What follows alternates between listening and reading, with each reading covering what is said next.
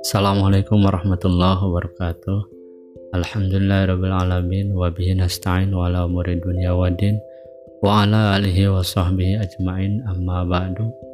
Alhamdulillah sahabat sekalian kita kembali lagi dalam kajian kitab Ukhdul Jen Insya Allah kita akan melanjutkan pembahasan sebelumnya. Bismillahirrahmanirrahim Alhamdulillah sadaya puji anopatillahi atau tetap kagungan Allah. Hamdan kalawan pujian nastaftihu. Nyuhunkan mukakan.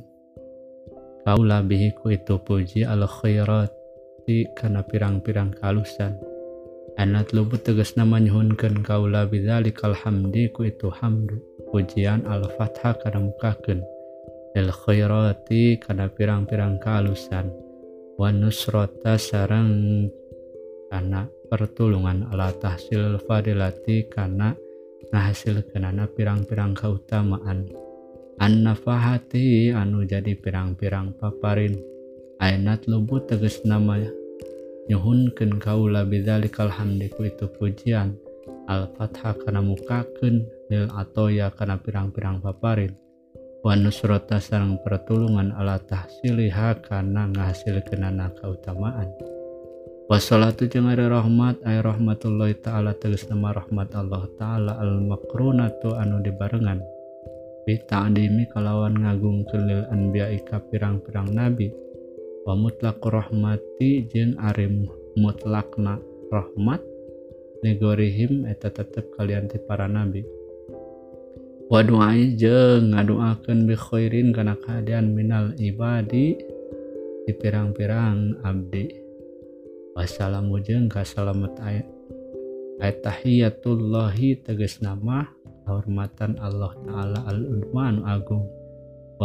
Wahwa jeng ari salam teh tadi mun eta ngagungkeun lil anbiya'i ka pirang-pirang nabi. Kama sapertikeun perkara yuhi nyen ngagungken saatuna salah seorang orang sadana doifauka para tamu katamunak ataulah boleh ibadi sarang menta na pirang-pirang hamba. Didalika karena ia karena eta ngagungken Allah Sayyidina kakang kadunungan orang sadayana Muhammadin terus nama Muhammad. Sayyidil Baroyani anu jadi dunungan pirang-pirang makhluk. Aero isil makhlukati tegas nama pimpina pirang-pirang makhluk. Waala alihi sarang kulawargina ayat bayi tegas nama anu nuturkan Nabi Muhammad alal imani karena iman. Walau usotan jeng sanajan tanu maksiat wasobi sarang para sahabat nawaum sarang ari sahabatnya al mujtamiuna tanu pakumpul sarang para nabi. anu pakumpul binabina sarta nabi orang sadayana Muhammadin tegas nama kanjeng Nabi Muhammad sallallahu alaihi wasallam. Mu'minin abarina anu iman walaulah dotanjeng sanajan enak kumpul tesa kedeng al aimati anu jadi imam kabeh. Al muqtadi tegas nama anu diturut bihim. Itu anu kabeh fi umuri dini dina pirang-pirang perkara agama. hmm. Anu kah percaya piha dina iya din agama Bismillahirrahmanirrahim. Di sini menjelaskan bahwa alhamdulillah dapat alhamdulillah ini adalah merupakan pujian terhadap Allah. Yang mana dengan pujian ini kita berharap Allah membukakan terhadap berbagai kebaikan. Jadi maksud pujian ini supaya Allah membukakan setiap kebaikan yang akan kita lakukan. Dengan memuji.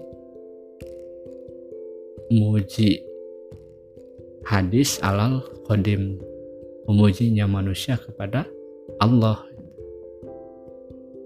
Dengan memujinya tersebut apa pun yang kita lakukan suatu kebaikan semoga Allah memberikan kemudahan dan pertolongan dan menghasilkan suatu keutamaan dalam kebaikan tersebut. Misalkan kita kalau misalkan kita ingin sesuatu biasanya orang itu akan memuji terlebih dahulu. Maksudnya adalah supaya apa yang diinginkannya bisa tercapai. Mau memuji terhadap orang tua, keluarga, pasangan ataupun sahabat biasanya untuk uh, menginginkan sesuatu. Dengan pujian tersebut keinginannya bisa tercapai. Itu ibaratkan seperti itu. Mengucapkan alhamdulillah semoga Allah membukakan setiap kebaikan dan pertolongan untuk menghasilkan keunggulan dalam kebaikan tersebut. Wassalatu dan membaca salawat. Salawat karena dari Allah itu adalah rahmat. Rahmat Allah al-makrunatu bita'dimi lil anbiya yang disertai dengan mengagungkan kepada para nabi. Adapun sholawat kalau dari malaikat itu maknanya istighfar kalau dari makhluk dari hamba itu menjadi doa bi khairin doa dalam kebaikan. Wassalamu dan ada juga salam ayat tahiyatullah yaitu penghormatan terhadap Allah yang maha agung dan mengagungkan kepada para nabi.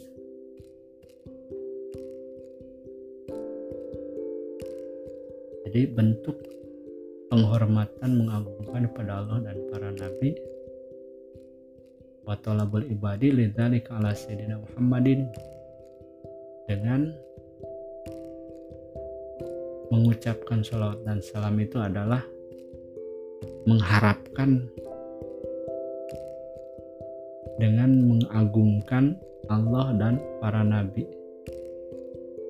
yaitu kepada Nabi Muhammad Wasallam yang mana Nabi Muhammad adalah pimpinan semua makhluk. Wala alihi dan kepada keluarganya dan pada orang-orang yang mengikutinya. Alal iman wala usotan orang-orang yang beriman. Meskipun mereka terkadang melaksanakan dosa ataupun maksiat. Wasobi dan para sahabat. Yang dinamakan sahabat adalah orang yang pernah berkumpul bersama Nabi dan dia beriman kepada Nabi meskipun berkumpulnya itu hanya sebentar. Maka itu dinamakan sahabat berkumpul dengan Nabi meskipun sebentar dan beriman kepada Nabi. Jadi harus beriman. Kalau tidak beriman meskipun berkumpul itu tidak disebut sahabat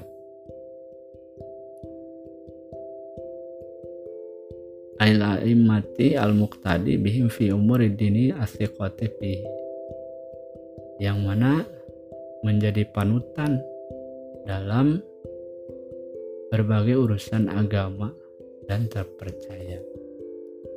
Ama ba'du.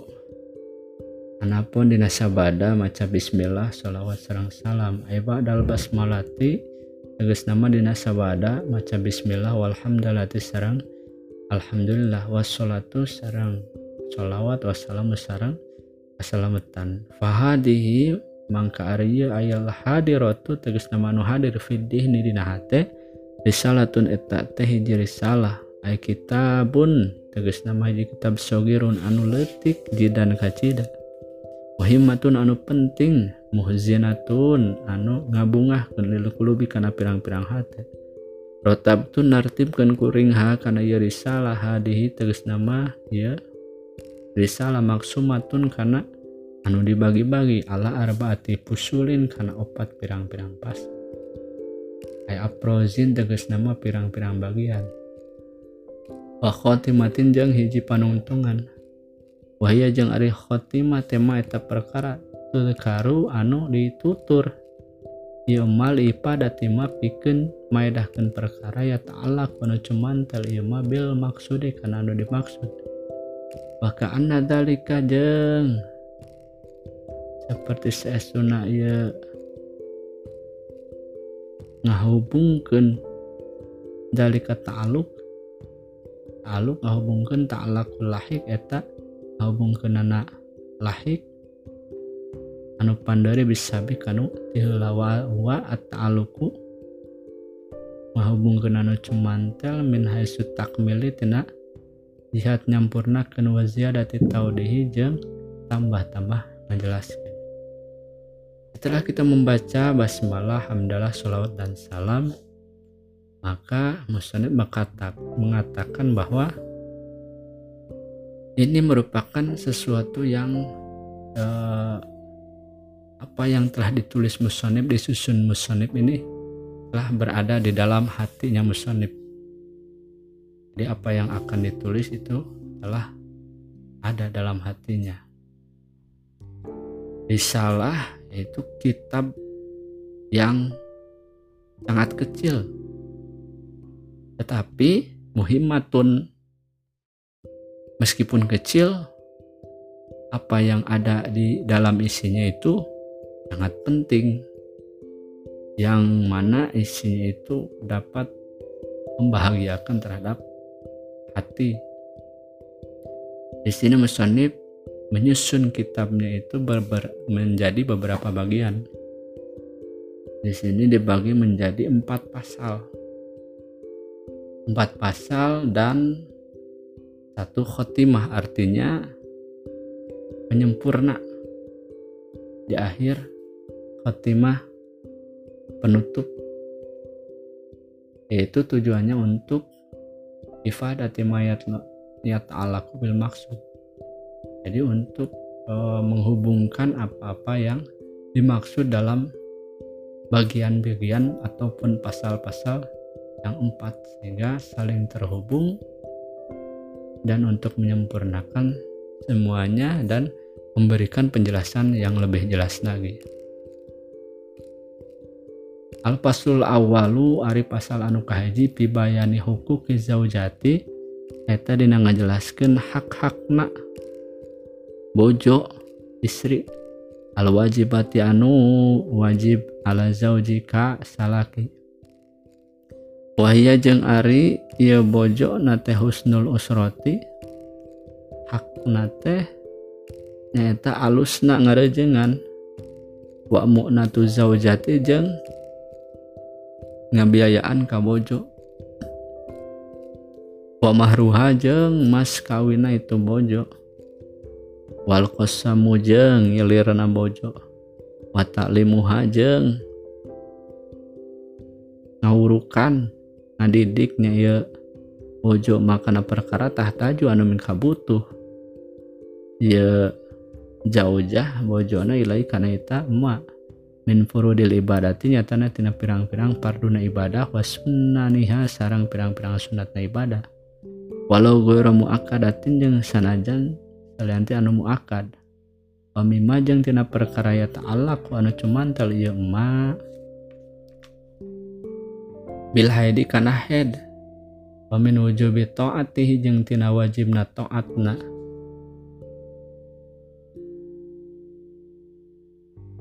kasalakina pimadina perkara laisa anu lain itu ma bimaksiatin karena maksiat. Jadi pasal yang pertama ini akan menjelaskan tentang hak-haknya seorang istri yang wajib terhadap suami. Hak itu adalah sesuatu yang pantas kita terima yang wajib dilakukan oleh seorang suami. Yaitu di antaranya adalah baiknya dalam uh, menemani ataupun menggauli. Itu. Jadi harus uh, begitu baik dalam rumah tangga antara suami dan istri. Saling perhatian saling peduli saling melengkapi kekurangan saling mengingatkan dalam beribadah wa mu'natu zaujati. Kemudian yang kedua adalah membiayai menafkahi seorang istri. Jadi haknya seorang istri yang kedua adalah mendapatkan nafkah dari suami. Ma nafkah lahir dan nafkah batin. Wa mahruha dan mas kawin. Jadi ketika menikah harus ya mas kawin. Mas kawinnya berapa itu adalah hak seorang istri. Wal kosmo kemudian eh, membagi-bagi ini mungkin kalau misalkan istrinya lebih dari satu. Jadi harus adil antara istri yang satu dengan istri yang lainnya. Watalimah kemudian mendidik seorang istri mendidiknya supaya eh, benar-benar uh, dalam kebaikan. Karena seorang istri adalah tanggung jawab suami. Mendidik terhadap apa yang dibutuhkan yaitu daripada keperluan dalam ibadah dan sunat-sunatnya. Jadi kita harus memperhatikan beberapa seorang suami harus tahu bagaimana istri melaksanakan ibadah apakah sudah betul atau belum sholatnya puasanya dan yang lainnya. Kalau misalkan masih belum kita harus mengajarkannya dengan baik. Walau gue akadatin meskipun ibadahnya yang bukan sunnah muakkad. Ajarkan haid dan suami mengajarkan bagaimana tentang haid. Seorang istri perempuan itu pasti akan mengalami haid. Jadi dia harus tahu bagaimana menyikapi haid. Kalau orang yang kalau istri yang haid kan tidak boleh melaksanakan sesuatu yang diharamkan ketika haid jadi istri itu kalaupun sudah tahu kita perhatikan. Kalau misalkan belum tahu kita harus mengajarinya supaya tidak tidak salah. Karena istri merupakan tanggung jawab seorang suami. Wa min wujubi taati bima laisa. Dan istri pun harus taat kepada suami dalam hal yang bukan maksiat. Istri taat kepada suami ketika suaminya memerintahkan dalam hal yang bukan maksiat harus ditaati. Kalau misalkan suami tidak ataupun memerintahkan terhadap maksiat, maka jangan ditaati. Al-Faslus pasal yang kedua itu Fibayani hukuk zauji menjelaskan tentang hak-haknya seorang suami. Al-wajibati anu wajib ala zaujati ka istrina wahia to atau zauji wahia jeng ari hak nate to atau zauji eta to'atna salaki pigore maksiatin dina salianti taat nakasalaki pigore masyatin dina salianti masyat Paustul muasyarati jeung alusna ngarejengan nyampuran. Batas limu nafsiha jeung masrahkan awak. Awakna itu zauja ilaika zauj. Pamula zamatul baiti jeung cicing di imah. Wasianatu nafsiha jeung ngaraksa ngajaga dirina min antutia tina tina yang ngamenangkeun mincak. Itu bojona firosau karena kasurna salakina guerohu sagueru salianti.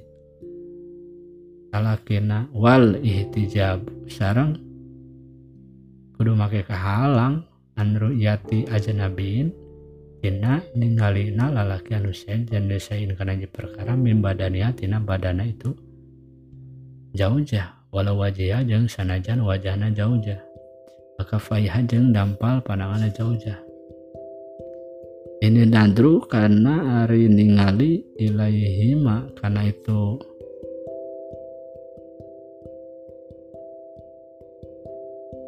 wajah sarang kafai wajah sarang dua dampal pandangan haram eta teh haram. Walau manti syahwat jeung sanajan sartanan teh syahwat wal fitnati sarang fitnah watar kumutola batiha jeung tinggalna mentana. Itu bojo lahu kasalaki bima kana perkara paukul hajat anu salureun pangabutuh. Walau alimat jeung sanajan nyahueun si istrina jauh jah teh kudu tahu karena kawasan eta jauh. Watak Viviha jeng ngarak saya jauhjah antana ulima tina ngarawatna perkaryak sibuk. Anu ngasab salaknu karena itu maminal mal tina harta al-haram anu haram. Wada mungkin bihajeng hente bohong na itu bojo Allah dia karena head na itu bojo. Wujud dan karena anu ayah wan kita anjeng pegatnya itu head. Pasal yang kedua menjelaskan tentang hak-haknya seorang suami yang wajib dilakukan oleh seorang istri yaitu to'atu zauji juga maksiatin seorang istri harus taat kepada suami selain daripada maksiat. Apa pun yang diperintahkan oleh suami maka istri harus taat dan menturutinya. Selagi itu bukan maksiat. Kemudian husnul muasyarati baik dalam menggaulinya. Menggaulinya harus dengan baik karena seorang wanita itu sangat sensitif. Jadi kita harus dengan lemah lembut supaya tidak tidak menyakiti hatinya. Selanjutnya watas limunafsiha ilaihi. Ketika menjadi suami istri otomatis seorang istri harus memasrahkan dirinya kepada seorang suami. Wa mulazimatil bait dan berada di rumahnya. Tinggal bersama suami. Dan menjaga dirinya dan eh, kamarnya itu daripada laki-laki lain jadi harus dijaga. Jangan sampai ada yang lain yang masuk ke kamar kamar pasangan tersebut suami istri tersebut. Dan si istri harus menjaga ataupun menghalangi daripada melihatnya orang lain, laki-laki lain terhadap badannya. Jadi jangan sampai ada laki-laki yang melihat badan istrinya meskipun itu wajah dan dua telapak tangan. Karena melihat keduanya tersebut, wajah dan telapak tangan itu adalah sesuatu yang diharamkan meskipun dengan tidak disertai dengan syahwat. Wal fitnati dan fitnah meskipun tidak ada syahwat tetap nggak boleh melihat atau memperlihatkan kepada laki-laki yang lain.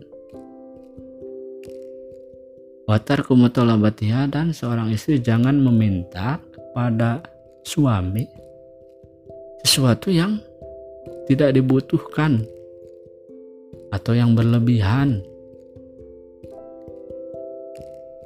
Meskipun si istrinya itu tahu bahwa kalau dia meminta pun suaminya akan memberinya.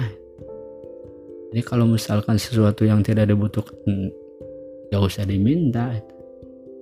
Jadi mintalah sesuatu yang penting yang benar-benar dibutuhkan.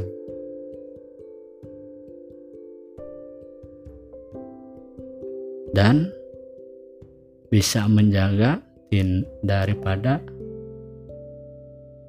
harta yang diharamkan. Biasanya perempuan itu mengatur tentang keuangan rumah tangga. Dia harus dijaga daripada sesuatu yang diharamkan. Wa ada mungkin bihajan, jangan berbohong. Kalau misalkan lagi head, tinggal bilang head. Kalau misalkan sudah suci, tinggal bilang suci. Jangan sampai ketika head dia berkata bilang suci. Ketika dia suci, dia bilang head karena mungkin dia tidak mau untuk melayani suami atau menuruti perintah suami sehingga berbohong itu tidak boleh. Tidak boleh. Mungkin itu dulu yang saya bisa saya sampaikan untuk kesempatan kali ini. Mudah-mudahan bisa dipahami dan mohon maaf bila ada kesalahan dan kekurangannya. Semoga bermanfaat. Assalamualaikum warahmatullahi wabarakatuh